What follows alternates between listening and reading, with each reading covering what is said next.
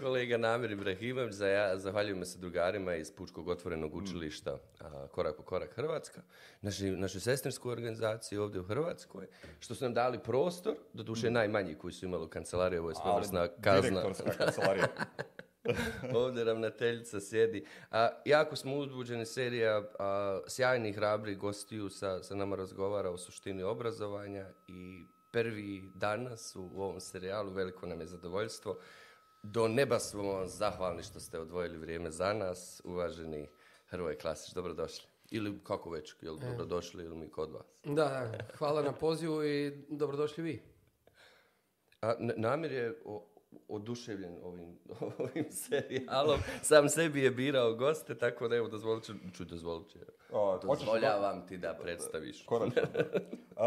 profesor Hrvoje Klasić, dakle, osim naravno što ste historičar, povjesničar, historičar i tako dalje, vrlo ste često u javnom prostoru i govorite, o svim drugim bitnim i važnim stvarima koji se tiču ne samo društva unutar same Hrvatske, nego čini mi se i regionalno i, i evropski i tako dalje, sve ono što, što je bitno i važno. I iz tog razloga je važno da i sa nama govorite o obrazovanju.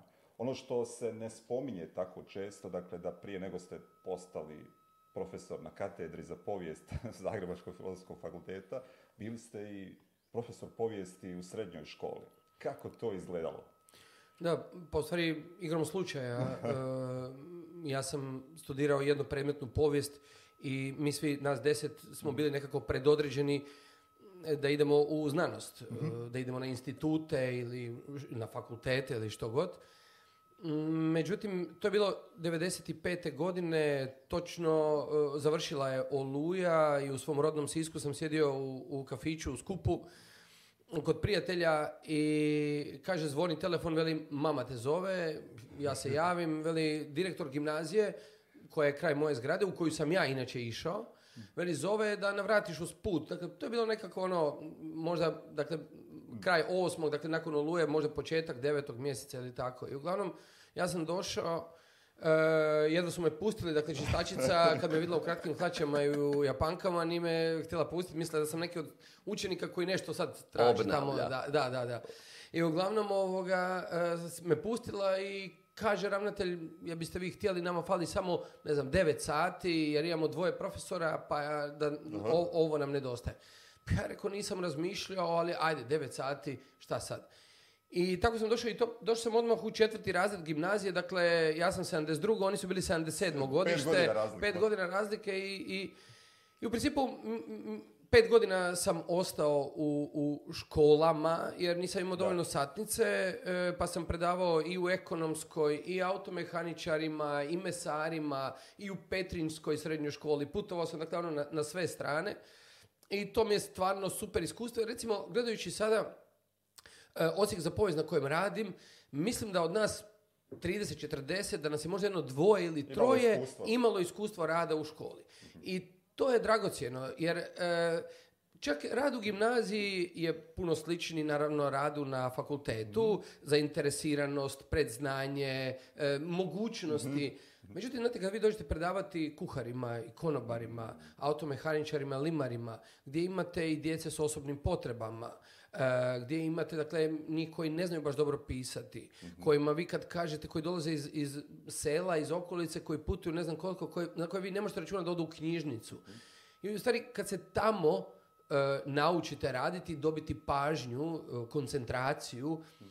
I uostalom i kad tamo vidite neke e, rezultate, ishode, mhm. dakle nakon jednog razreda, tu stvarno ste e, e, jako sretni i evo moram priznati da, da s tim ljudima sam možda nekako ostao i u najboljim odnosima e, i sad evo kad, kad se vratim u Sisak kad ih vidim od automehaničara, konobara, kuhara do ne znam krovopokrivača uvijek se sjete nečega, neke fore sa, sa predavanja tako da evo to mi je baš posebno drago. Ono što je meni ovo što ste rekli na početku dakle samo da naglasimo dakle vas mama zove u kafić gdje vi sjedite, zna gdje sjedite, to nije bilo telefona. ne, ne, ne, kako zove, na, na, na, na, fiksni, na fiksni telefon, da, da, da. To i, I onda sam, predavao sam 5-6 godina, e, ali onda je postao problem, jer u stvari satnica se smanjivala eh, i ja nekako, stvarno više nisam mogao u četiri škole raditi, pa to više da, mi je bilo nemoguće.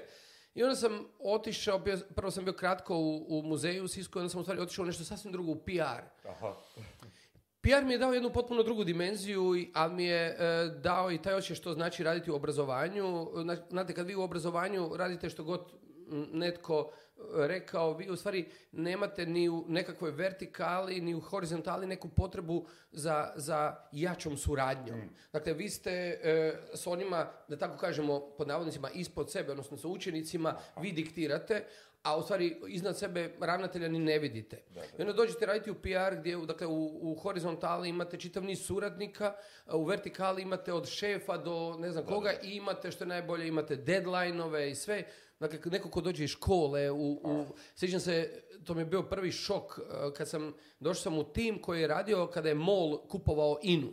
I u nekakvoj prezentaciji ja vidim šef napisao da ćemo kao, kao tim, bit ćemo available 24 kroz 7. Rekao, šta znači 24-7? Vrlo brzo sam shvatio kad me u nedjelju nazvao i rekao mu to, to i to. Znači, to mi je bio šok. I onda sam, i onda, mhm. e, a ja sam paralelno već bio upisao e, postdiplomski na povijesti i u stvari nekim kontaktima e, ljudi, ostao sam u kontaktu sa profesorima i oni su me pozvali, tako da sam u stvari evo od Prvog, treće, u stvari od kraja dvije, e, druge. Dakle, evo, bit će uskoro e, e, dvadeset godina kako, kako sam na filozofskom fakultetu. A, ovdje ste spomenuli ovo iskustvo vertikala unutar obrazovnog sistema, ali ova horizontala bi je važna. Dakle, jeste li imali pomoć kolegica i kolega starijih kada ste došli u školu? Gdje ste uopće zapravo prizvali tu moć predavanja kada ste se pojavili u učionici ispred vas, ne znam, grupa učenika? Pa- Tad pa, vjerovatno brojna. Ja, da, da, da, 36 e, učenika, 30 i ne znam koliko učenika je bilo. Pa ja mislim, naravno da se e, moje e, kolege koji se bave više metodikom neće sa puno toga složiti. Ja, ja nikad u životu nisam položio niti jedan metodički, niti pedagoški predmet, a evo, mislim, e, mislim da, da odete na fakultet sada da vidite, dakle ja ono iz godine u godinu imam na izbornim predmetima po sto studenata, e, a mislim da je tako bilo i u srednjoj školi. Mislim da puno toga ima u nekom talentu, e, što naravno ne, ne, sporim da znanja i, i, ono čime se bave stručnjaci za metodiku ne mogu pomoći. Mm, tako da, eh, ja sam radio sa eh, dvoje kolega profesora koji su bili maltene pred mirovinom i to je stvarno bila jedna stara škola. Dakle, ono, doslovno na grafoskopu, ne znam ako više ovi ljudi koji slušaju ovo znaju uopće šta je grafoskop, a dakle, ono, folija i pušta se i ti to prepisuješ. Ja sam shvatio da ja sa svojim izgledom tada, dakle, ja tada imam 22 godine, nemaš ni 23 mm. godine, eh, bitno manje kila nego danas, potpuno sam drugačije izgledao. Ja, autoritet sam shvatio sam da mogu nametnuti na, na dva načina. Jedan je da me se neko boji, a drugi je da e, sklopimo nekakav nepisani kodeks, e, pakt e, ili kako god hoćete o tome da ono, moj posao je da, da, da im što više znanja na što prihvatljiviji način prenesem, a njihov je da to pokušaju usvojiti. Bez straha, da, dakle, da poštujemo jedni druge i ja sam krenuo tom linijom, dakle oni koji krenu linijom straha, kratkoročno to ima možda uspjeh, ali u principu meni je stvarno bilo Mislim, ja sam živio u tom gradu i glupo mi je bilo da, da me u školi neko se boji, a van škole mi, ne znam, govori, dobacuje koje kakve stvari. Ja moram priznati da stvarno nikad nisam imao problema i, i, i, i super je to iskustvo. E, vi dođete tek nakon fakulteta, pročitali ste milion knjiga, e, položili ste ispite i onda jedan put dođete i morate sad predavati, još u gimnaziji kako tako, sad znate ono, trebate doći konobarima predavati o reformama Bana Mažuranića u 19. stoljeću. E, meni, je to jedna dobra anegdota. Ovoga, e, pa, pričam, ja o, o, dolasku Hrvata. I sad jedna od tih legendi kaže da je Hrvate u novu domovinu dovelo petero braće i dvije sestre. I sad su tu to petero braće se zovu Kluk, Lobel, Kosjenac, Muhlo, Hrvat, pa potom Hrvatu smo mi dobili ime i dvije sestre Tuga i Buga. I sad, ja sam njima uvijek e, napravio nekakav sažetak i pitanje nakon svake lekcije i onda nakon par mhm. sati kontrolna i to će biti kao to. I sad ja postavim pitanje koje je po legendi doveo Hrvate u novu domovinu i dobijem ja odgovor Petar Bračić i dvije sestre.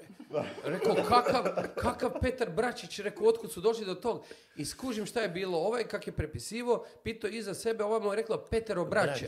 A ovaj je preve, skužio Petar Bračić i dvije sestre, tako da rekao ono... Ja bih to ocijenio kao tačan Ja sam to cijenio, kao što i e, jedan od najpoznatijih e, e, spomenika iz tog rane faze je Višeslavova krstionica, ali to je obavezno je bila Višeslavova gostionica, tako da ono i to mi je bilo, to mi je bilo, meni je puno bilo bliže kao nekome ko ne ide u Da, meni i prihvatljivije ovoga gostionica od krstionice. ajde, ovo mi je na tragu sad filozofije poučavanja, jer smo nekako krenuli sa tim. Šta vam je važno sa ljudima koji stoje sa ovu stranu? A, svejedno, učitelj ste na, na svoj način i sada na, na fakultetu. A, šta vam je važno kad uđete u učionci, šta vam je važno da vidite kod svojih kolega i kolegica, svejedno je li to do univerzitetsko univerzitetsko obrazovanje? misliš kod, učenika, studenata ili kod... Kod ovih ljudi koji, koji facilitiraju znanje. Koji e, predaju kao predavači. Pa, kažem, e, meni je, ja to ne mogu nekako e, odjeliti jedne od drugih, u stvari, ovu drugu stranu od, od ove strane. Mislim da je to stvarno jedna, mora biti jedna simbioza. E, mora se uspostaviti e, dijalog. Nikad nisam e, volio tu, dakle, to nekako strahopoštovanje.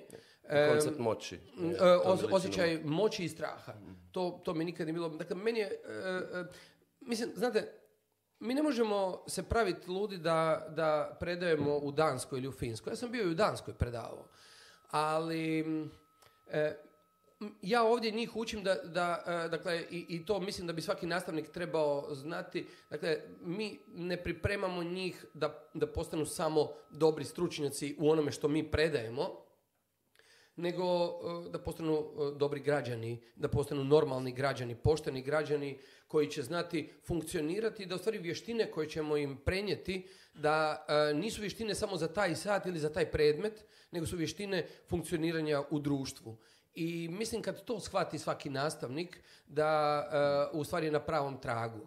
Eh, sjećam se jednom prilikom sam bio u Velsu i tamo sam bio sa nekim eh, engleskim nastavnicima koji su pobjedili na natjecanju za najbolje nastavnike povijesti u, u, Velikoj Britaniji. I, tad su rekli jednu stvar koja je meni ostala zauvijek u sjećanju. Dakle, rekao, kaže, znate vi, dakle, postoje dva koncepta, vi se držite tog recimo na Balkanu, i ne samo na Balkanu, da naglasak stavljate na knowledge, odnosno na znanje, a mi stavljamo naglasak na vještine, odnosno na skills. I, dakle, meni je bilo fascinantno kad mi je kolega, ne znam, iz Švedske rekao kako kod njih izgleda između ostalog nastava povijesti. On pošalje učenike e, iz neke ulice, pošalje ih da idu u knjižnicu, dakle, e, provjeriti kada se u novinama spominjala ta knjižnica. Onda moraju napraviti intervjue sa najstarijim e, stanovnicima te ulice. Onda moraju otići u katastar da vide kad se gradila ta ulica. U stvari, oni će saznati puno ulici, ali će u stvari dobiti vještine koje će moći koristiti u bilo, kojoj drugoj situaciji u životu. Um, ili što bi rekao ovaj kolega iz Engleske, veli, kaže, mislim, vama je možda lako uzeti jednog pisa, pa sad bio to Ivo Andrić ili bio to Miroslav Krleža e, i sad onda djecu E, e, tjerati da, e, da, odnosno da im vi date što oni moraju znati o Ivi Andriću ili Miroslavu Krleži. Mi sa Šekspirom ne radimo tako, dakle mi imamo takvih Šekspira ne znam koliko i dakle mi jednostavno na temelju jedne priče Šekspirova, jednog romana, Šekspirovog drame učimo kako čitati Šekspira. Ja mislim da je to poanta i dakle kada, kada shvatite da, da vaš Dakle, ono što meni kod mojih kolega često smeta je što misle da su centar svijeta i da je njihov predmet centar svijeta. A I, većina nastavnika koji radi unutar škola, e, bilo gdje i na fakultetu. A zato pa da je to najvažnije? Upravo to, a, pazite, kada bismo svako, kada sam računao, kada bi svako, posebno kada radite u srednjoj školi, gdje oni imaju ne znam koliko predmeta, mislim, kada, biste, kada bi se svako ponašao inzistirao na vremenu e, koje mora provesti učeći njegov predmet. Kad bi svako tako, mislim, kada bi to bilo? ovo kad sam vas ono malo ono, horizontalna povezanost, to mi li danas nemamo. Da unutar škole kolege, kolege koje predaju četvrtom jedan, ne na početku školske godine i kažu šta ćemo mi da učimo ovu djecu Pa ne rade to ni na univerzitetu. Što je najbolje, što je to, čak, e, to u teoriji postoji. E, mi smo to ono, sjećam se kad se to pojavilo, dakle to nekakva um, interdisciplinarna, ta nekakva nastava u kojoj ćete, upravo ovo što ste rekli, dakle da ako ja sada predajem renesansu s povijesnog aspekta, da onaj ko preda likovni to i da onaj glazbeni da također to. Međutim, toga nema. programi kurikulumi nisu prilagođeni tome. I ne samo to, nego pazite, mislim, e, e, čak su i, i, recimo konkretno nastava povijesti u srednjoj školi. E, učenici uče, ne znam, srednji vijek u Bosni ili u Hrvatskoj, pa onda nakon toga uče srednji vijek u, u Europi. Međutim, kad ih pitate, kad uče, dakle, što se događa u vrijeme kad je, ne znam, Zvonimir ili Tvrtko, što je u Europi, e, to već Teško se povedi. Nije to ta lekcija. tako je, tako je to. U vašim um, intervjuima često pominjete ne ideološko, nego civilizacijsko pitanje, pa civilizacijsko kao pojam se, se, se provlači, ali gotovo svaki intervju. I sad mene stvarno interesuje šta je u vašoj glavi civilizacijsko? Je li to neka sad opšta norma koju bi trebali svi da razumijemo ili je civilizacijsko nešto što je subjektivno? ovo sad konkretno ste govorili o, o prethodnom ratu i tu, tu najčešće koristite ovaj pojam. Šta je civilizacijsko za vas? Pa evo i u kontekstu šta bi bio odgoj za civilizacijsko, kako, šta očekujete da, da, da škola, ne samo u Hrvatskoj, nego i u BH, na koji način da odgaja to civilizacijsko? Pa, mislim, e, e, nastava i obrazovanje može služiti i često je služilo, posebno zadnjih 30 godina na ovom prostoru, u stvari formiranju e, nacionalno svjesnih stanovnika određene države a može poslužiti ono čemu se ja nadam i čemu težim i na čemu radim, e, formiranju e, e, kritički dakle mladih osoba sposobnih da kritički promišljaju društvo, da građani postanu koji će dakle imati volju za nekakvom multiperspektivnošću, dakle koji neće biti e, e, e, gluhi i njemi i, i slijepi na druge stavove, na druge pristupe. za mene je to dakle ključ obrazovanja, dakle da se na nastavi nauče i slušati argumente, postavljati pitanja, E, e, da se ne boje drugačijeg mišljenja, da se ne boje drugačije mišljenja niti iskazati, ali niti prihvatiti. E, ono što mi je jako bitno je također ta dakle, kultura dijaloga, dakle kada se ne slažemo, a da ipak pričamo. ali ono što možda često zanemarujemo kao, ja, ja sam to vremeno bio sam, kad sam radio u školi, bio sam i završio neki tečaj onog debatnog kluba. Mhm.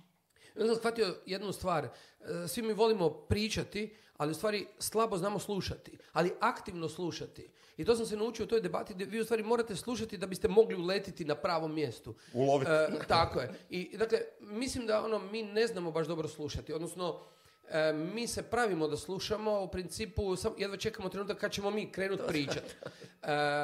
tako da, to su neke stvari koje, koje, su meni, koje su meni jako bitne i mislim da, da nam da tu smo jako fulali e, i Hrvatska i Bosna i Srbija i dakle regije e, sve e, što je nastalo nakon raspada Jugoslavije Reći vam evo dakle na konkretno što mislim. Često uspoređujemo dakle odnos e, Hrvatske i Srbije konkretno recimo sa odnosom Francuske i Njemačke nakon drugog svjetskog rata.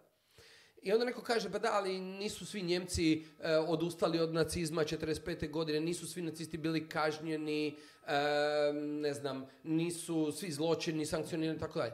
U pravu su, dakle, doista nisu. Ali ono što su Njemci napravili, a mi nismo, su uložili sve u obrazovanje. I oni su u sljedećih 15-ak, 20 godina su tako je, su kreirali e, jednu generaciju ljudi koja je bila sposobna 68 Dakle, 20, dakle, kada su e, krenuli na fakultete, su bili sposobni postaviti svojim roditeljima pitanje, dobro, što ste vi radili od 33. do 45. godine? Jeste baš svi bili protiv Hitlera? I dakle, počeli su preispitivati vlastitu prošlost. Mi to nismo napravili. Da, nisu sankcionirani svi zločinci, nisu zaboravljeni svi zločini, ali ok, to je stvar prošlosti, to je stvar pravosudnih e, e, institucija. Međutim, ono što nismo napravili, da smo iznjedrili nove generacije mladih bosanaca, hercegovaca, hrvata, srba, to, koji će postavljati pitanja, koji se neće bojati postaviti pitanja i koji neće prihvaćati zdravo za gotovo kad im se kaže za sve su krivi Srbi, za sve su krivi Hrvati, za sve su krivi Bošnjaci ili koga god već. To nismo e, Ono što me interesovalo, to sam s namjerom raspravljao, to sam, čitao jedan vaš intervju u kojem kažete da upravo da, je Njemačka to uradila i da je to bio neki, ajde, put ka, ozdravljenju, odnosno da bi doveo do tih krucijalnih, esencijalnih pitanja za budućnost Njemačke. Ko je postavio to obrazovanje? Ko je postavio te norme? Pa mislim, e, da se vratimo... Jer je to sad možda, ključno pitanje i za, i za, i za kontekst BiH. U mom, ja sam ovo dijete rata, Dakle, mhm. sve ove, ove bahate strukture sam, sam preživio. Ja duboko ne vjerujem u to da su, da su ljudi u Bosni i Hercegovini sposobni za, za samo refleksiju, samo kritiku i da kažu ok, ovo su stvari o kojima ćemo razgovarati da bismo odgajali taj, ta, to, to utopijsko je pa tako daleko.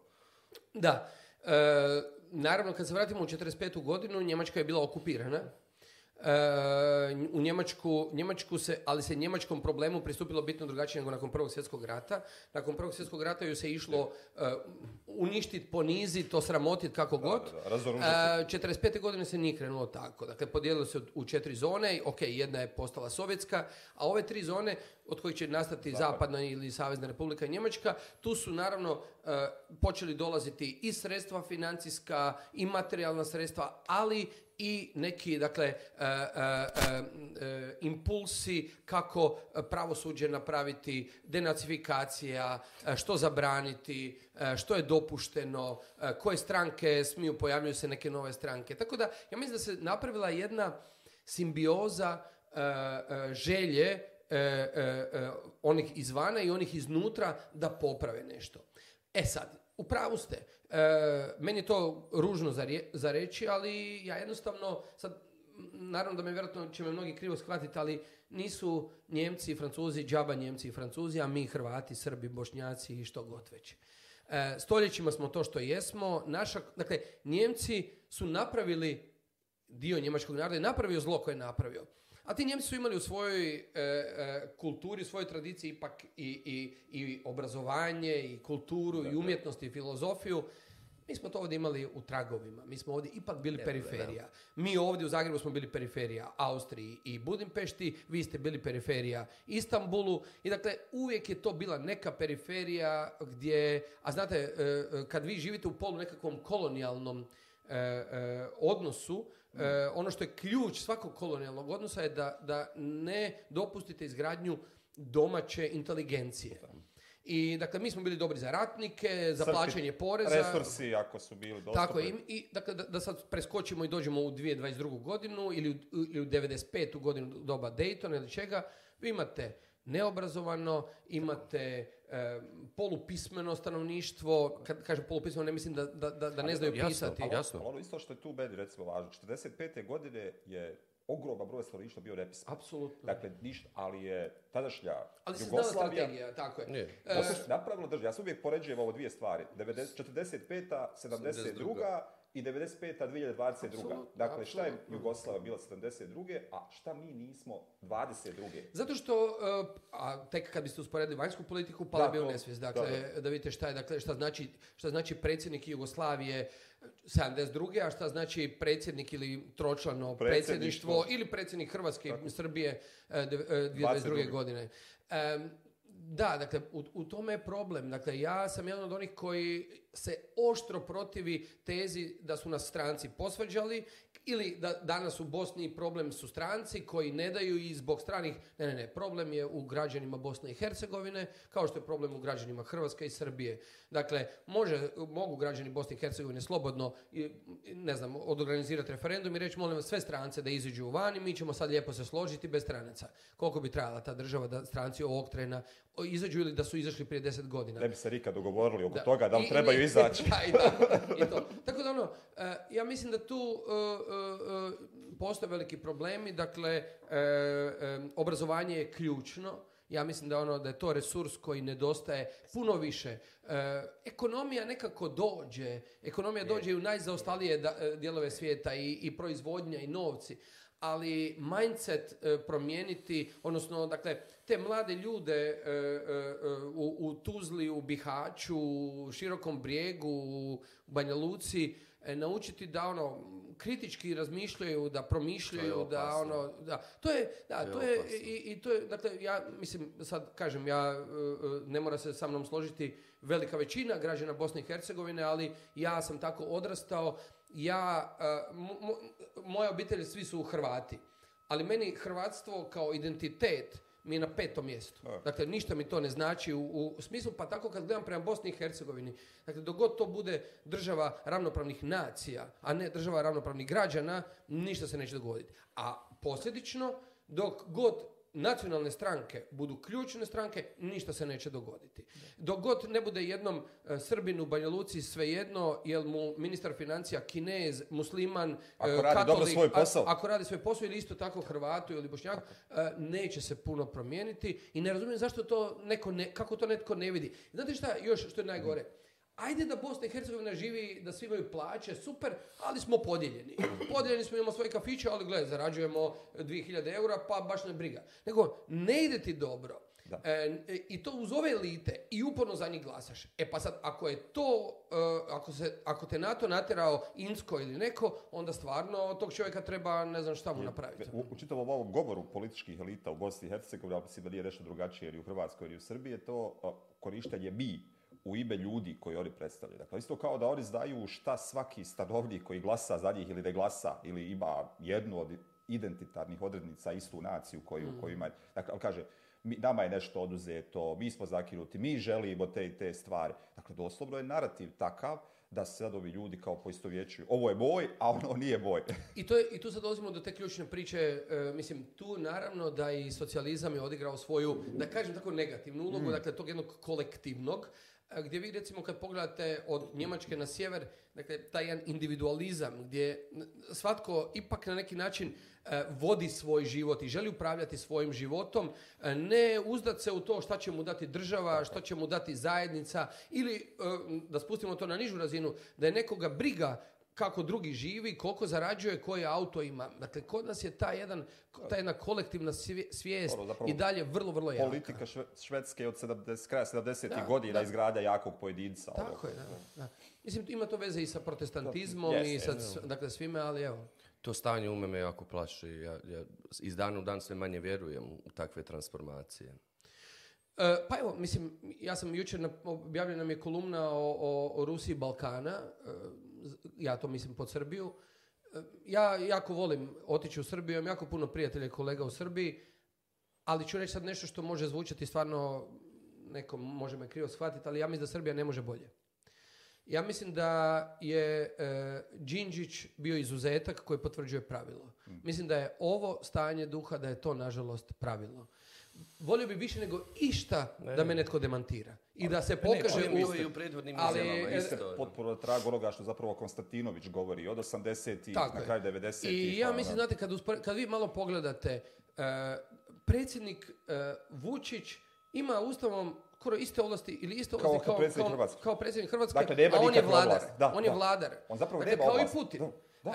dakle, s druge strane, političari E, nisu niti državni službenici, ni predstavnici naroda, nego su vlastodržci. E, koje kakve paravojne ekstremističke e, grupacije koristi režim. pravo pravosuđe ne funkcionira za one koji su na vlasti i njima njihove pojedince. Uloga vojske, uloga tajnih službi. I to je kad dođete u Srbiju vidite da to u principu nije u tragovima. E, ja, ja, ja to uvijek kažem, e, mene je šokiralo, dakle, ja kad sam počeo dolaziti prvi put u Beograd, onda sam u svakom razgovoru, bilo da govorili o nogometu, o kulturi, o policiji, bilo služba. On je u službi, on, ja sam rekao, koju službi? Mislim, šta je služba? Ali služba je tamo neka ono potpuno termin koji je ono... ja sam baš rekao svima, vratio se u Hrvatsku i sad sam počeo pričati, kažem, znaš, što ti služba?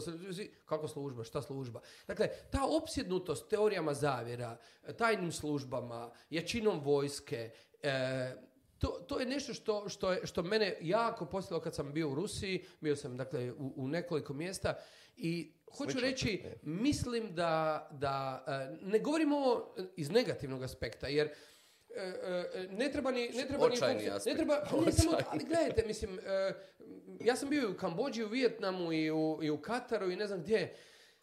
Mislim, mi previše često europocentrično gledamo na neke dijelove svijeta ili ovo što ste rekli malo prije civilizacijska. Civilizacijski u, u jednom dijelu svijeta je nešto drugo. sasvim drugo od onoga ovdje. I ja mislim da jednostavno treba prihvatiti ono što građani te zemlje, možda si oni rade najgore protiv sebe, ali ako oni tako, većina njih tako želi, onda to, mislim, onda, onda to treba... Postaje legitimno. Da.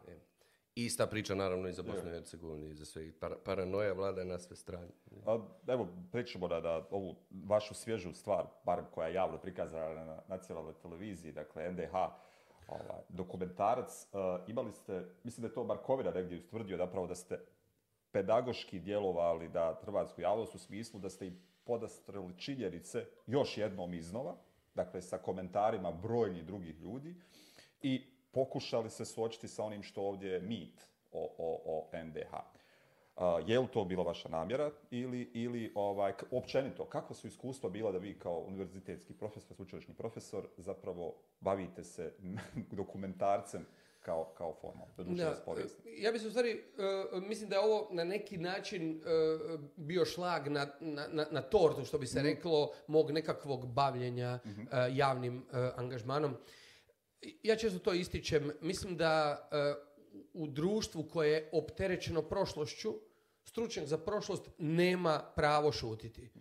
E, ne da ima e, mogućnost, ima obavezu govoriti. Dakle, ako je društvo napadnuto epidemijom, epidemijom nečega, onda se stručnjaci za medicinu moraju javno angažirati. Ako imamo probleme sa, ne znam, potresima e, ili sa bilo čim drugim, stručnjaci za to ne mogu sjediti i pisati neke radove. Ja sam to u stvari odlučio, e, ima tome sad već 15 godina, e, da ono što ja napišem će pročitati nekoliko mojih kolega i možda još par stotina ljudi. Međutim, ja pišem kolumne, evo već sad skoro četiri godine, napisam ih preko 200, neke kolumne, dakle uglavnom prosjek je negdje oko 70.000, a otprilike oko 100.000 ljudi pročita jednu kolumnu. Mm. E, moju, e, moju knjigu je kupilo tisuću ljudi.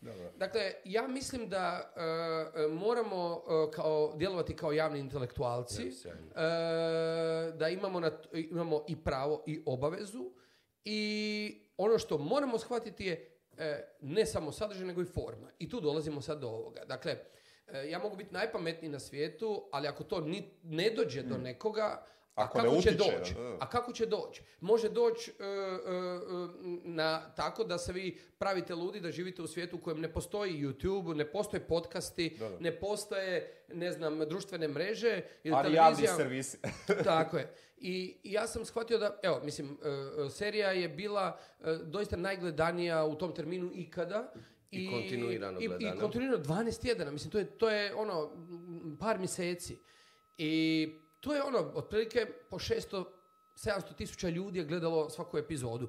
Dakle, kad dođe do tolikog broja ljudi nešto i to, dakle, argumentirano Eh, i filmskom građom, ali i ono što sam shvatio što je ljudima ovdje jako bitno, kad kaže neki strani povjesničar, mogu ja biti najpametniji na svijetu, e, e, e. ali to je rekao Hrvoje. Ali kad to kaže Tomaso ili George ili ne znam ko, e onda to ima drugu težinu. Prvo je ideološki oboj, rovi tako, je, tako, tako da eh, je to, eh, ja mislim da bi, da bi mi svi mi trebali, koji radimo u obrazovanju, dobiti dodatno obrazovanje iz tog javnog nastupa, e, kako određenu informaciju proslijediti e, nekakvim novim e, skupinama kojima se obraćamo. Jer, znate, ja sad predajem studentima koji su rođeni 2002. godine. Dakle, oni, oni, oni potpuno drugačije dišu od mene. E, ja, dakle, gledam kako se to vani, koliko se Instagram, koliko se Twitter koristi u nastavi. Gdje smo mi još od toga? I, dakle, moram...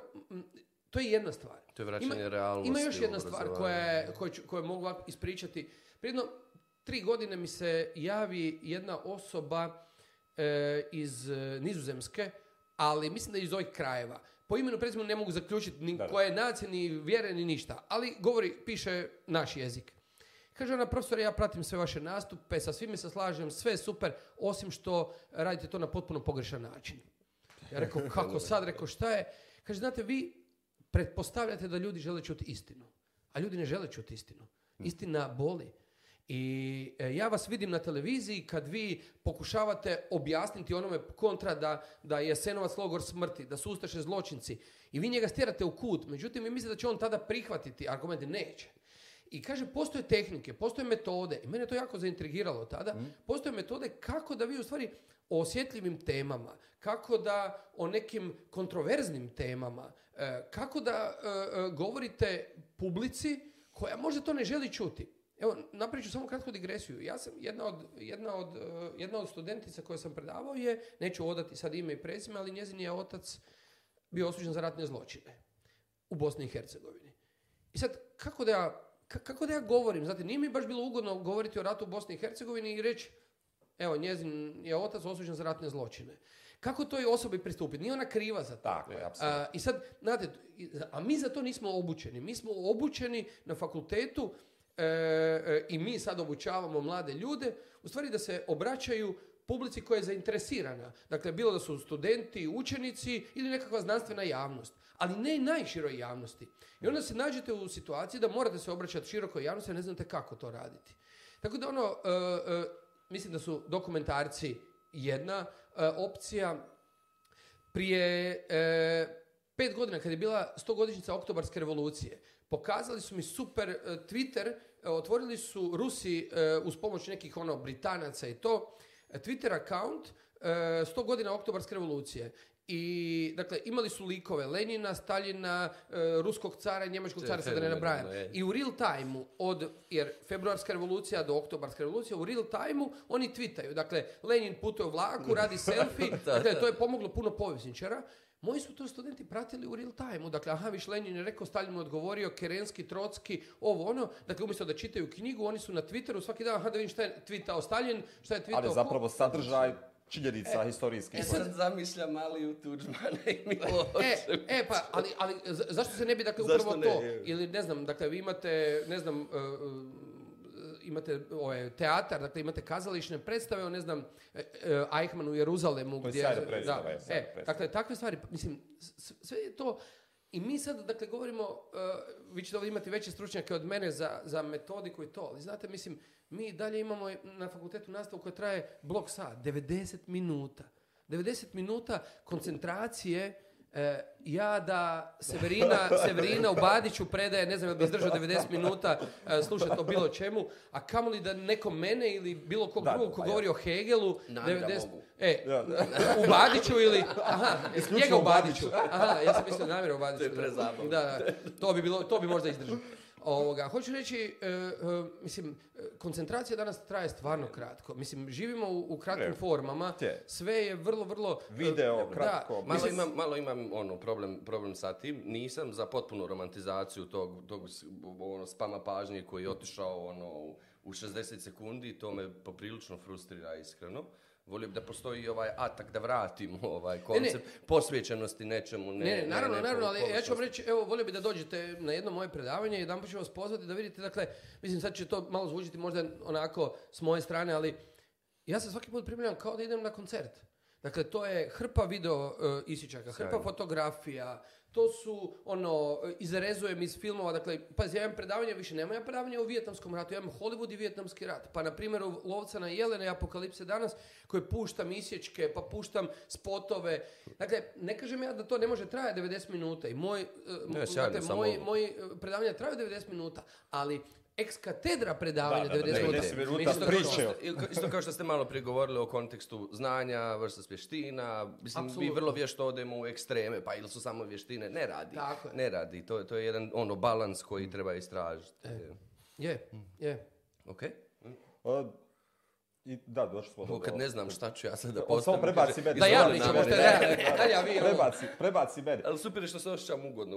Uglavnom, reakcije, dakle, da, da seriju su bile, vjeruje. bahu pozitivne, bilo je ovih negativnih, jel tako? Bilo je... Ma, e, u principu nije bilo negativnih, bilo je negativnih od strane nekih ono ekstremnih Pa u tom smislu, da to ide, da, da. Pa, ali, za, mislim, ono, to je Prosek bez veze. smrću poslije epizode koji je a, a, ne, u stvari, e, to je zanimljivo.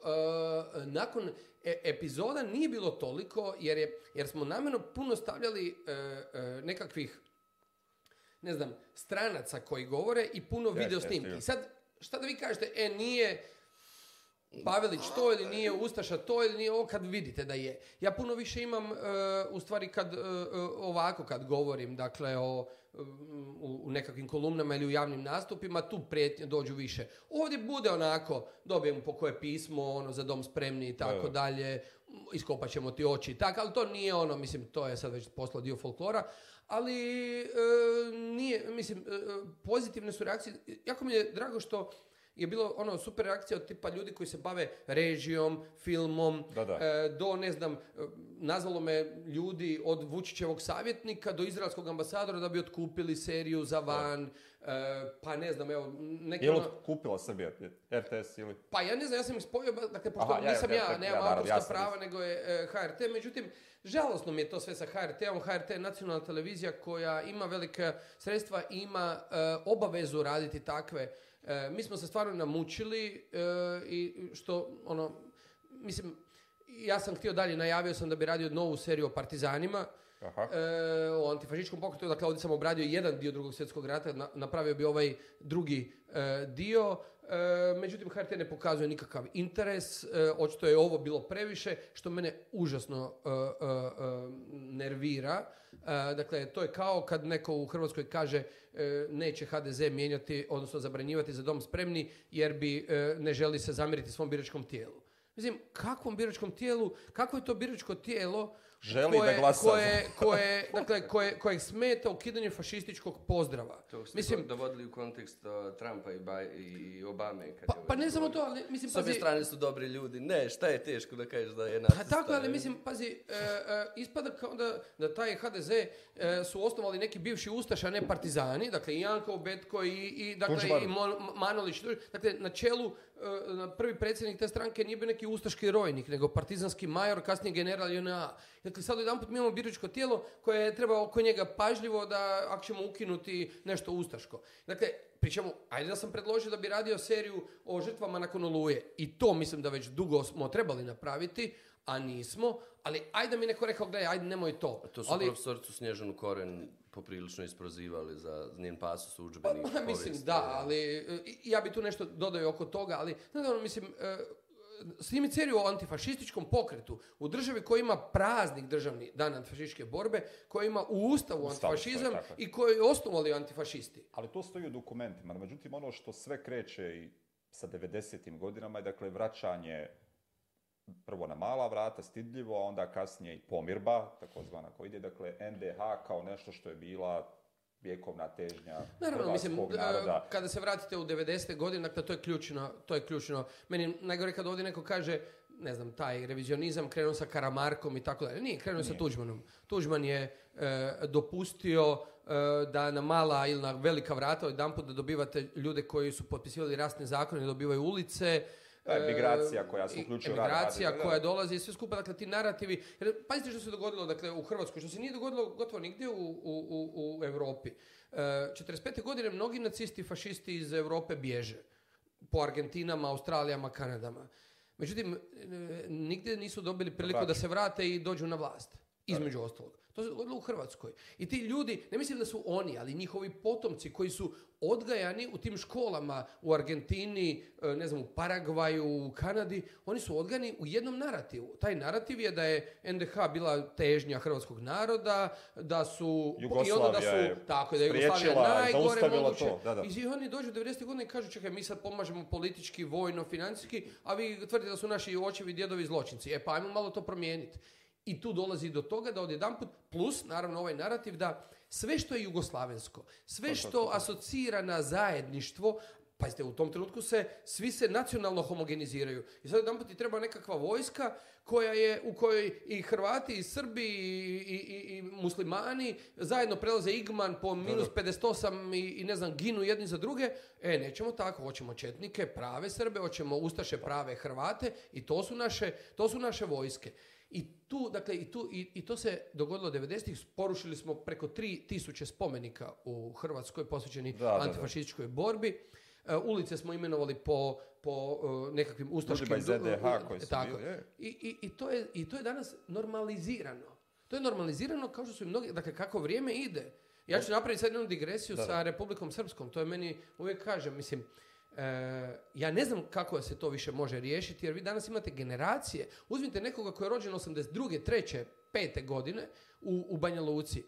Taj Bosnu i Hercegovinu nikad nije doživljavao kao svoju domovinu. Njemu je Republika Srpska domovina on Sarajevo ne doživljava kao glavni grad. Nego niti će navijati za Bosnu i Hercegovinu kad igra nogomet, ni protiv Zimbabvea, a kamoli protiv Srbije ili onaj u širokom regu protiv Hrvatske. To je Dodik jednom rekao, samo protiv Turske kad igra. E, e, i, to je, e, i tu je taj problem. I tu je taj problem koji ono, e, mi moramo, dakle, ono, vrijeme prolazi, nismo napravili ključne stvari i sad to vraćati na pravi Kolosijek, to je sad pitanje više... Da, da, pitanje imamo li snage, mogućnosti, ono šta bi sve trebalo, da li bi trebao neki događaj, jer, ono, da, e, Ljudima nisu bitni argumenti ni činjenice. Ono, znate kako je ono, Hegel rekao, ako činjenice ne idu prilog tezi, to gore po činjenice.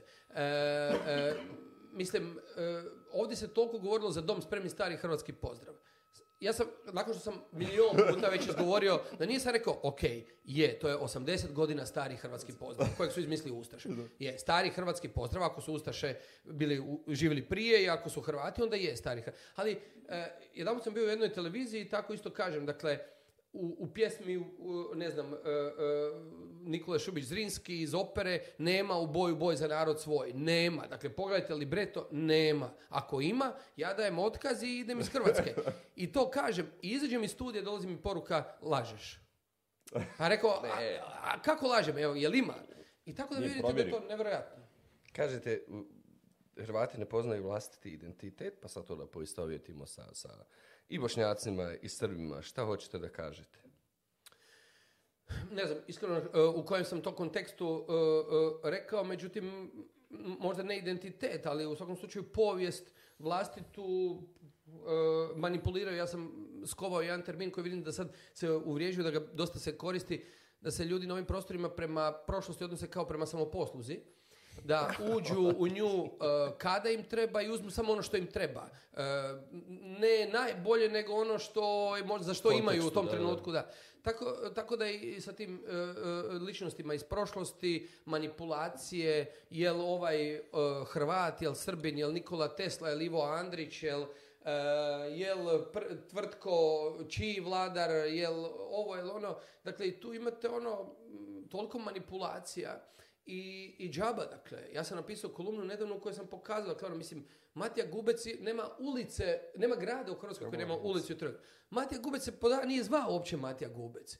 Niti je bio vođa te seljačke bune, niti je ubijen onako kako je ubijen. E, e, Tomislav, dakle, evo vam kralj Tomislav, nikakvog dokaza nemamo da je bio e, kralj, a onda još dođete do Duvna i dakle Grada nik nema, ono dakle grad nije dobio ime po kralju Tomislavu nego princu Tomislavu Karađorđeviću. 1928. kada se kralju Aleksandru rodio sin Tomislav, odlazi skupina e, Duvnjaka na čelu sa Franjevcem, odlazi u Beograd molit kralja jer bi se po njegovom sinu mogao nazvati grad. I tako Duvno dobiva ime Tomislavgrad. Dakle, i, i, i ono, i ja sad pričam s nekim iz Duvna, kaže mi, E, znamo mi to, ali nećemo baš to govoriti. E, nije nam to sad fan.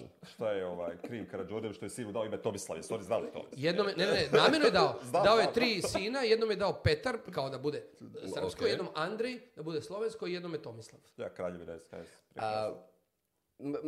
Zar je ovo tako konfuzno? Gotovo da, gotovo da liči na... Šta, hoćemo ponovno... Nećemo, nećemo, ne, ne, ne, to. Sad vraćam se na onaj dio kad smo govorili o obrazovanju kao resurs, obrazovanje kao, kao, kao potencijal. Da, ovisno u čijim rukama, ja ne vidim kontekst u kojem bi osim nekog eksternog mističnog faktora uzeo taj alat kao vrlo, vrlo snažan alat i stavio ga u službu ovoga što ste rekli dobrih građanina mm. koji promišljaju, koji imaju razvijeno kritičko mišljenje, perspektiva im je ok, doista slušaju šta sad u tom ludilo. Ko pravi to obrazovanje? to mi je od, ono, od, otprilike jasno. Možda s dvije, s dvije strane, ova utopijska i ova možda pragmatična da li postoji neki hodogram kako mi to možemo napraviti na Balkanu da radi, posebno možda u kontekstu BH? Pa ja, ja mislim da mi u stvari radimo odlične kadrove za Njemačku i za Irsku. Dakle, mm. ti ljudi tamo postanu vrlo dobri građani i vrlo dobri stručnjaci. Jer e, naše znanje e, nije loše. Njega bi trebalo e, možda dograditi ali recimo, e, e, slušao sam neke takve emisije gdje kažu koliko je lakše na zapadu e, ljudima, dakle, kad dobiju radnike iz Balkana ili kad dobiju, ne znam, iz Afrike ili iz Azije. Dakle, ovo nema veze sa nikakvim rasizmom, nego jednostavno sa nekakvim i radnom etikom, sa nekakvim navikama i uopće, dakle, sa željom za učenjem, nadograđivanjem i tako dalje. Koliko je to točno, ja ne znam, ali, misli, ali vidim dakle naši ljudi koji ovdje su vrhunski, vani postanu još vrhunski, ali i obični radnici postanu ono, ostanu vrlo dobri radnici i ono što je bitno, postanu dobri građani. Neće prelaziti na crveno na zebri, e, kad je crveno, neće ne platiti porez ili nešto. Dakle, jedan put to postane potpuno normalno da u gradu gdje piše 60 vozi 60, E, tako da, Dok se ne vrati ovdje. da, e sad, e, ovo što, što, dakle, kažete e, e što, što, bi se ovdje trebalo, e, što bi se trebalo učiniti, ko bi to trebao učiniti. Da, to je, to je, to je veliki problem, dakle, e, ja, ja, ću još ovdje sad nešto reći što i super mi je, izvinjavam se što, što upadam sa ovim, malo prije ste govorili, mi mnogo govorimo o, konceptu javnih intelektualaca, nastavnika mm. kao, kao, mm. javni intelektualaca, to je hrabro, to je freirovski i taj javni angažman, je li to možda jedan od... od... A znate šta je e, problem? Problem u, našem društvu nije samo obrazovanje. I ja se uvijek protivim e, pričama o udžbenicima, o kurikulumima i tako dalje. Jer e, kada sam ja išao u školu, škola, odnosno nastavnik i udžbenik su bili prvi i glavni izvor informacija u društvu. Danas to više nisu. Danas, danas udžbenik, napravite ga najboljeg. Ali mladi danas znanje dobivaju na drugim mjestima. Na puno lakšim i puno e, e, e prijemčivijim mjestima. Dakle, on će raditi otići na YouTube, radi će otići na Facebook, raditi će otići na Instagram i sključ šta misli o, ne znam, o povijesti, šta misli Dino Merlin ili e, Thompson ili, e, ne znam, Dragan Bjelogrlić ili Severine ili bilo ko drugi. Dakle, e, mi ne možemo, e, dakle, obrazovanje moramo raditi na tome, mi koji se tim bavimo. Ali obrazovanje bez onoga van, jer obrazovanje e, vi ste u školi određen dio vremena, ali šta kad iziđete van? Ja sam to e, rekao i svima to govorim kroz možda najplastičnije. Zamislite, dakle, ne znam, evo, uzmite bilo koji grad, evo Slavonski brod, E, predajete o nezavisnoj državi Hrvatskoj, predajete o rasnim zakonima i kaže da je to uđaz i da je to gro, ovo ono, i onda neko digne ruku i kaže ja živim u ulici Mile Budaka. I sad, šta, kako da vi njemu kažete, e da, ali to nije dobro. Mislim, šta nije dobro? E, e, ili ne znam, u Mostaru, u Francetićeve ulice, ili u Sarajevu koliko ima, dakle... tako. I tako da, dakle, hoću vam reći, to zbunjuje mlade ljude. ne živimo mi više u vremenima kad sam ja dobio, kad je otac kupio enciklopediju, dakle onih ne znam koliko svezaka, pa ti moraš lista da bi došao do neke informacije. On danas sa dva klika dođe do informacije do koje on želi, čak i na koji način on želi. Jer će otići ili u desno ili u lijevo po potrebi. I u kojem tako formatu i sve ostalo. Tako da obrazovanje je e, ključ, jer možda eventualno učimo ljude da kritički pristupaju i tim vanškolskim mm. e, sadržajima E, ali mislim da jedno bez drugog, dakle da, da dobijemo političare koji odgovaraju za svoju riječ, da imamo novinare koji provjeravaju vijesti koje objavljuju, e, mislim da, da, da, je to, da je to ono ključ, ključ svega. Dakle, to, to mora biti, dakle, mi, mi, mi ovdje e, ne, govorimo o nadgradnji, mi govorimo o bazi, mi nemamo bazu. Dakle, vi kad ste u Švicarskoj, Francuskoj ili u Danskoj, vi bazu imate. mislim, naravno da ćete uvijek imati nekih ekstrema, ali neće ljudima padati na pamet neke stvari koje ovdje padaju na pamet. Tako da mislim da je to jedan kompliciran eh, i sveobuhvatan proces društveni, eh, eh, dakle, odgoja i obrazovanja. I ono što ja moram priznati, ja nisam roditelj, ali vidim jako, jako, sve bitni faktor je obitelj. Dakle, ono što, što mladi donesu iz kuće se teško mijenja. Vrlo teško mijenja unatoč svim argumentima. I to je meni fascinantno. Dakle, ja to vidim na fakultetu.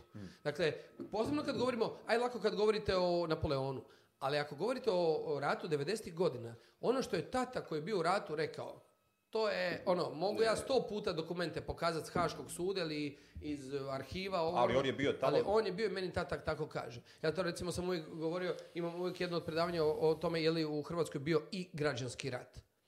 Jer ovdje to malte su predlagali da će biti u zatvor ko to kaže. Ja to govorim od uvijek jer kažem, mislim, gledajte, ja sam u ljetu 1991. godine e, kao Hrvoje sam obukao hrvatsku uniformu, moj susjed Rodoljub s kojim sam igrao nogomet i obukao srpsku, nije on ošao u Nikaragu, otišao u Petrinju, on puca po meni, ja po njemu. Završava rat, on ostaje građani. Sad, mislim, kako e. nije. E, da li su došli i iz Srbije? Pa naravno da jesu, ali jesu li i u Izrael, odnosno, pardon, u, pardon, u Libanon su došli iz, iz Izraela i Sirije. Jesu li u Španjolsku došli iz cijelog svijeta? Pa nije manje građanski rat. I sad, ja kažem, ja kažem studentima, rekao, koliko vas misli da nije bio građanski rat? I sad igne njih par a ajme, recite bar jednu definiciju svojim riječima. I oni ne znam, ja kažem, aha, dakle, ne znate što je građanski rad, ali znate da nije bio. Tako je. I onda te ja im izložim definiciju, ne znam, iz oksfordskog riječnika, pa onda napravim kronologiju. Kažem, čekajte malo, ne samo da je bio građanski rad, nego je bio građanski rad ne u Hrvatskoj, nego u Jugoslaviji. Tako je. Hrvatska 8.10.1991. izlazi. U ljetu 1991. rekao, ko je predsjednik Jugoslavije? Hrvat Stipe Mesić. I ja sad to sve izložim. I kažem, jesam negdje pogriješio? Logički, faktički, ovo, niste. Jel se onda slažete? Ne. Jer mi je tata meni... Re... Ali inače, to smo posebno samo ovaj, da, je htio sa vama da, da razgovaram, dakle ta fascinacija ratom u nastavi historije, Mm. Dakle, evo ja kad uzmem svoje učenje, dakle, sve, rat taj, taj, događaj taj, taj, napale taj, Napoleon genijalno krenuo, osvajao, naravno pers, personifikacija potpuno čitavo ide kroz jednu osobu koja je vodi, koja je predsjednik, kralj, pojma šta, i nekako doživljavanje da je zapravo rat, ono, igra, Dakle, da je to ono, u biti ratuju tri, četiri čovjeka koji neke figure pomjeraju dolje na ono, ploči i to je to. Dakle, nema ovoga patnje, žrtava, osim broja, ljudskog primjera. Dakle, vrlo malo i vrlo sporadično i uvijek, naravno, ova pozicija, to će me posebno zanimati, postoji li uopće nacionalna historija, nacionalna povijest? Je to uopće nešto što, što je okej? Okay? E, da, mislim da e, ne samo da rat, nego generalno prevladava politička povijest. dakle, vi kad pogledate nekakvu e, kulturnu povijest, povijest svakodnevice, dakle, ono čime se, mislim, ja sam, ne znam gdje sam bio, nedavno, ne nedavno, prije korone na jednoj konferenciji, kaže, ne znam, ono, ovaj napisao knjigu povijesti mirisa kako ono, mislim, kakvih mirisa, ono, gdje su tu ratovi kakvi, gdje su ono, gdje ko koga ubija. Dakle, ljudi se bave ono stvarima, ono, povijest željeznice i putovanja. Pića, ono, e, pa e.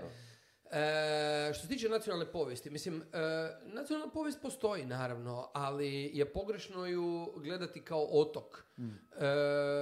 posebno na ovim prostorima. Mislim, vi možete Veliku Britaniju djelomično E, promatrati jer je bila velika sila, jer je sama uvjetovala neke procese, vodila neke procese.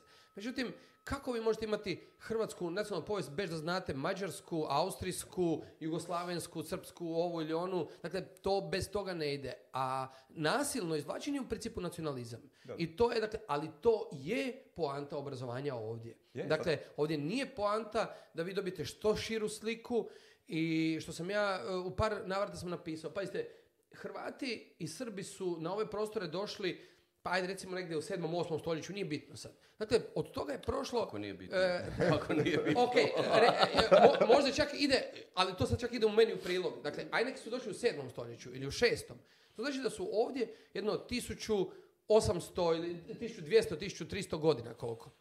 Od tih 1300 godina Hrvati i Srbi su u dva navrata ratovali svojevoljno jedni protiv drugih i to ne uvijek svi. U, u drugom svjetskom ratu imate Ustaše, imate Četnike, ali s druge strane imate i, i Hrvati i Srbi u partizanima. Ali ajde uzmemo te četiri godine. Imate rat 90. godina koji e, traja od 91. do 95. iako nisu cijelo vrijeme borbene akcije, barem u Hrvatskoj. Dakle, vi od 1200 godina imate, nabrojali smo sad ovdje 6-7 godina ratovanja. I da mi ističemo to, a dakle, šta smo radili ostale? Ostalih hiljadu... Pripremali se za ti šest godina. E, ali, ali to je nevjerojatno, ali to je upravo to.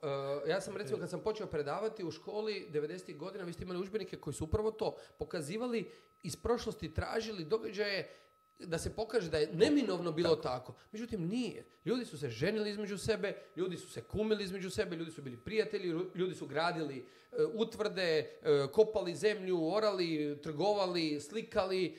Dakle, zašto o tome ne govorimo? Zašto ne govorimo o primjerima solidarnosti kada jedan Srbin spasi Hrvata ili jedan Hrvat Srbina u, pa ili kad se zajedno bore? E pa upravo to. I, I, dok imamo tako, onda vidite što je poanta. Jer kad, ako ste u nacionalnoj povijesti, onda nema potrebe za ovim. Ako odete za ovo, onda se postavlja pitanje, čekaj malo, dakle nisu, šta, šta, ispada da nisu svi Srbi loši? Mislim, kako zapravo ide više na ovaj, dakle, ako postoji činjenica ne može ona biti hrvatska, srpska, bošnjačka, ono, dakle, ona je činjenica kao takva. u, u, u, jednom, e, u glasu koncila mislim da je sve vremena napisalo da hrvatski udžbenici moraju imati hrvatsku istinu. to, e, to, to je e, to, u tom smislu, dakle, kako to može izgledati? Ono? Dakle, to je, dakle, postoje valjda podaci, zna se kako se dolazi do historiografskih podataka, koji su izvori, dokazi. Ma ne, gledajte, čak e, ja tu imam potpuno drugačije mišljenje. vi doista jedan događaj možete iz različitih perspektiva. E, Oluja nikad neće Hrvatima i Srbima biti isto. I dobro je da čuje, dakle da učenici u Hrvatskoj čuju i perspektivu onog dičaka na traktoru e, i obitelj onoga koji je ubijen, ali i onaj u Srbiji da čuje perspektivu Hrvata koji su protirani 1991. godine. E, sjećam se jednog projekta u kojem sam bio, e, su nam pokazali e, u Izraelu kojeg radila jedna grupa gdje dakle vi kad e, udžbenik i onda dakle, tema kad otvorite E, imate, dakle, s jedne strane palestinski izvor, s druge strane izraelski izvor. Dakle, o istom događaju. To e, Recimo, to e, e, ono, pobjeda u ratu, 48. 9. godine, i onda imate, dakle, imate palestince koji sa onim napretnjačama odlaze porušeni grad, selo, a imate izraelce koji slave pobjedu. Sad, šta je taj događaj? Je ovo ili ono? On je i to, i to. I to, mi moramo, dakle, ja sam rekao svojim studentima, mora pardon, mora vas E, dotaknuti kad vidite onu djevojčicu u Vukovaru uplakanu u onom kaputiću kad izlazi iz onog ruševina mora vas to, e, mora vas to e, na, na suze natjerati. Ali ne može vas ne natjerati kad vidite onog dičaka uplakanog na traktoru nakon oluje. Jer ako imate samo empatiju prema ovome i to je ono što ja ponavljam stalno, ali mislim da je to koliko god sad zvučalo već koliko sam izlizano, koliko sam ponovio, dok mi ovdje E, žrtve i zločince ili zločine dijelimo ili dajemo im nacionalni prefiks. Dakle, dok god postoje naše žrtve, koje su uvijek veće od vaših, i dok god postoje zločinci vaši koji su uvijek veći od naših, odnosno zločini naši koje mi imamo opravdanja. Dakle, vaši i naši, hrvatski, srpski, Ništa se neće promijeniti. Ovo mi je, mi jako zabavno. Prije neki dan razgovaram sa profesorom... Ajde, bar nekom zabavno. Ono. A, ovo morbidno zabavno. Mm. Prije neki dan razgovaram sa profesorom Nerzukom Čurkom koji je u Sarajevu na, političkim naukama, ja, studije mira. A, I razgovaram o ovom konceptu akademske higijene u kojem je program ekskomunicirana ekskomuniciran koncept emocije, ljubavi, poštovanja, je jeste na tragu te teze, jer sad govorite da nam toga nedostaje, a akademija prva to kao, kao ne da, to je prljanje ove čistoće koja je naučna. Pa, jer studije mira su upravo to, empatija, ljubav, poštovanje, vraća se na velika vrata. Pa, gledaj, mislim, u, ovakvim e, situacijama u kojoj se mi nalazimo, probali smo, ne ide, dakle, ja ne mogu natjerati nekoga da misli da je neki događaj u prošlosti bio e, koji je išao njemu na, na štetu, da, da, je to u stvari tražimo opravdanje. Ono gdje možemo tražiti opravdanje da nađemo neki konsenzus. Dakle, ko je prvi počeo? Nećemo se očito odgovoriti. Ko, je koga više poubijao? Možda se ni to nećemo. Ali ajmo barem stvoriti taj jedan, taj jedan osjećaj da, e, da osudimo zločine i da osudimo zločince i da damo pijetet žrtvama posebno nevinim žrtvama. Ne mislim da su, da su svi ubijeni žrtve i nevine žrtve. E, ali e, kad govorimo dakle, o, tome, bar da tu postavimo nekakav konsenzus. Jer ja ne mislim da, e, ne znam, pripadnici SS divizije Einsatz grupe koje ubijaju, ne znam, po Europi, koje onda netko uhvati i strelja, ne mislim da su oni iste žrtve kao one koje su oni ubijali. Naravno da trebamo i o tome govoriti, trebali osveta E, osvetu osvijestiti, ali to, to sam htio reći da razjasnim. Međutim, e, ako nećemo po, uspostaviti konsenzus ko je prvi počeo, e, ko je kriv više ili tako dalje, ajmo barem to. Ajmo, jer nećemo mi promijeniti prošlost.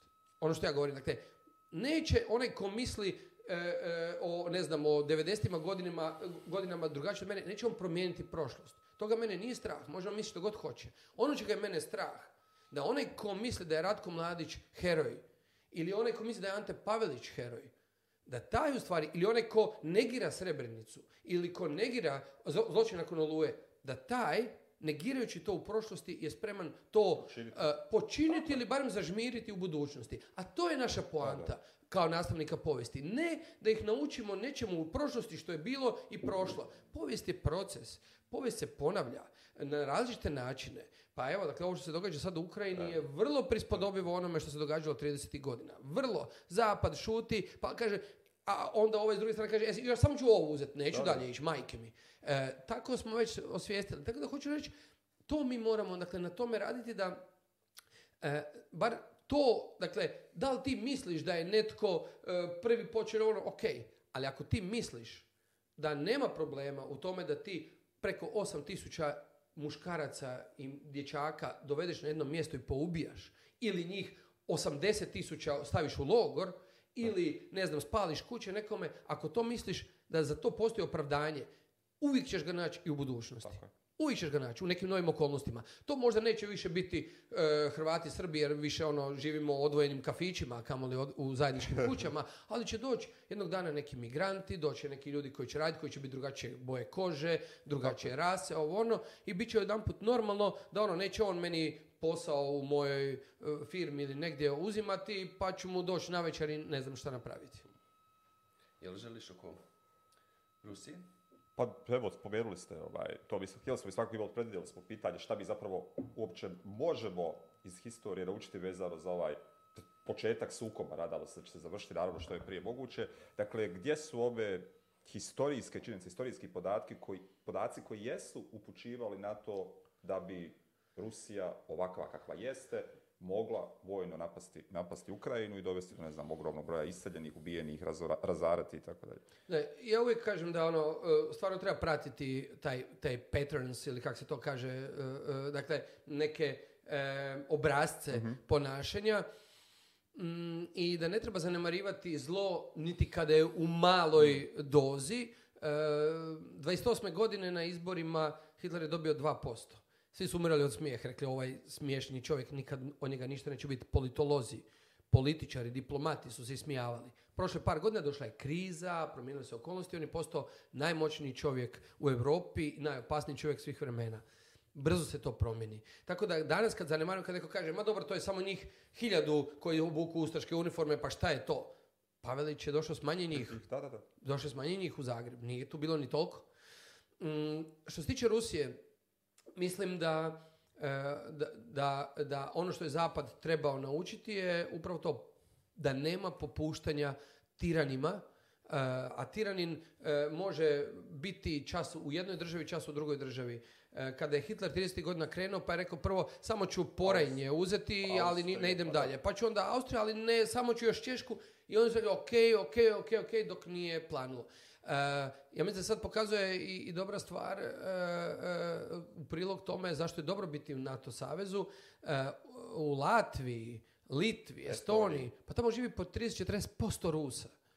E, e, e, mi smo ovdje imali situaciju da je u Hrvatskoj živjelo 12% Srba 90. ili 91. godine ili 15%, pa smo vidjeli kako je završilo kada je neko iz, iz, iz, Beograda odlučio da to ipak mora. Sad zamislite da, da Putin kaže da Latvija nije u, u NATO savezu, da kaže čekaj malo, tamo je 40% Rusa koji nisu baš u dobrim odnosima, neko je pretuko jednog Rusa u Rigi, idem ja to srediti. Mislim da... s druge strane, kako sad funkcionirati, e, ko će biti taj policajac, e, Amerika se opekla, gdje god je išla e, u Afganistanu, Libiju, Irak, ovo ono, ispalo je zašto vi. UN nema tu snagu i mi u stvari vidimo da živimo u jednom, e, e, sve je dobro dok je dobro. Ali kad nastane problem, e onda, onda, se, onda, onda ne znamo kako iz toga izaći van. Posebno ono što imamo u da, da pameti nuklearno naoružanje koje je to je ono, mislim, tu više nema sada, ono, nakon to, dakle, strah od nuklearnog naoružanja je u stvari držao hladni rat hladnim ratom. Jer su i jedni i drugi dobro znali da mogu ispaliti prvu, ali ovi će ispaliti drugu, a onda to toga više neće biti. Tako da, e, ono što mene u ovom trenutku, da se vratimo na emocije i na, da se vratimo u stvari na, na ljudsku e, taštinu, ja eh, sam siguran da je ovo dakle, strateški u Ukrajini dobro promišljeno, ali ja ne bi zanemario faktor Putina, njegove osobnosti, jednog eh, eh, narcisoidnog tipa koji je sada već u poznim godinama i koji sada ne želi ostati poražen. Mene je strah njegovog, njegovih osjećaja trenutno više nego njegovog strateškog planiranja. A i za takve osobe imamo primjer u povijest. Apsolutno, apsolutno. I sad, dakle, znate, ono, e, on može reći, ono, mislim, ja sada, da ja izgubim od neke Ukrajine, nema šanse, pa tamanih, i čini mi se da to i radi. Jer on, mislim, ono, sve je protiv logike.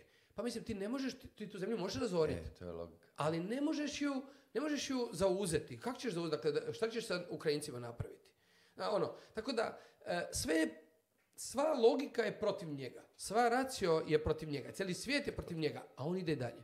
Svaki dan šalje sve više i više. Dakle, mene toga strah da tu više nema racionalnog i da ulazimo u sferu polako iracionalnog. Možda je racionalno bilo prvih prvi dan, dva, kada je on mislio, aha, imamo strateški plan, zauzet ćemo to u, dva dana i gotovo. ćemo vlast. Sada se to nije dogodilo i bojim se da ulazimo u sferu iracionalnog. A ono što ja često E, pišem i kažem, najgore je kad kreneš racionalizirati iracionalno i kad kreneš tražiti nekakve e, logiku u nečijem iracionalnom ponašanju. E, dakle, nema toga. Dakle, u, njegovom trenutnom ponašanju bojim se da, prevladavaju puno više nekakvi osobni osjećaj, ne znam, taština, povrijeđenost, i, I zbog toga me u stvari više strah e, od samog ishoda. Dakle, ishod Ukrajina neće biti zauzeta. Ja mislim, e, Ukrajina neće izgubiti taj rat.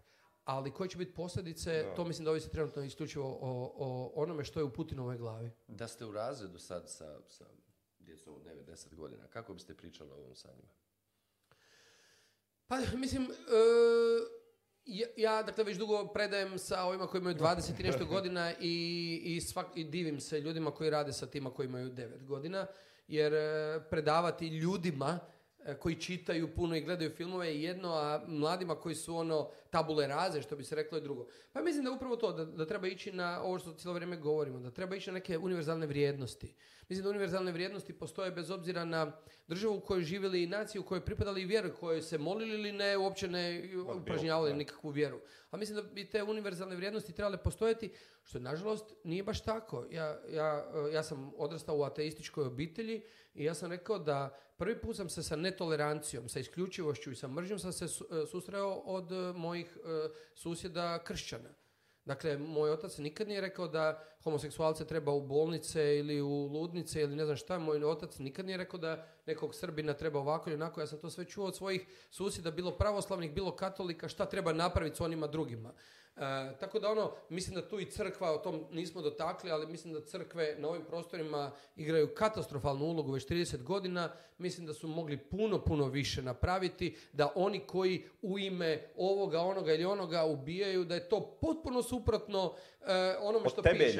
ja, sam, ja sam to rekao Porfiriju, patriarku s kojim sam dobar, rekao sam, gledaj, e, ja nemam, ti imaš sreću, ti imaš knjigu koja je sveta za tebe i samo da je otvoriš i čitaš, bilo bi ti lakše da svi vi koji vjerujete u to da čitate i super, niko nikom neće.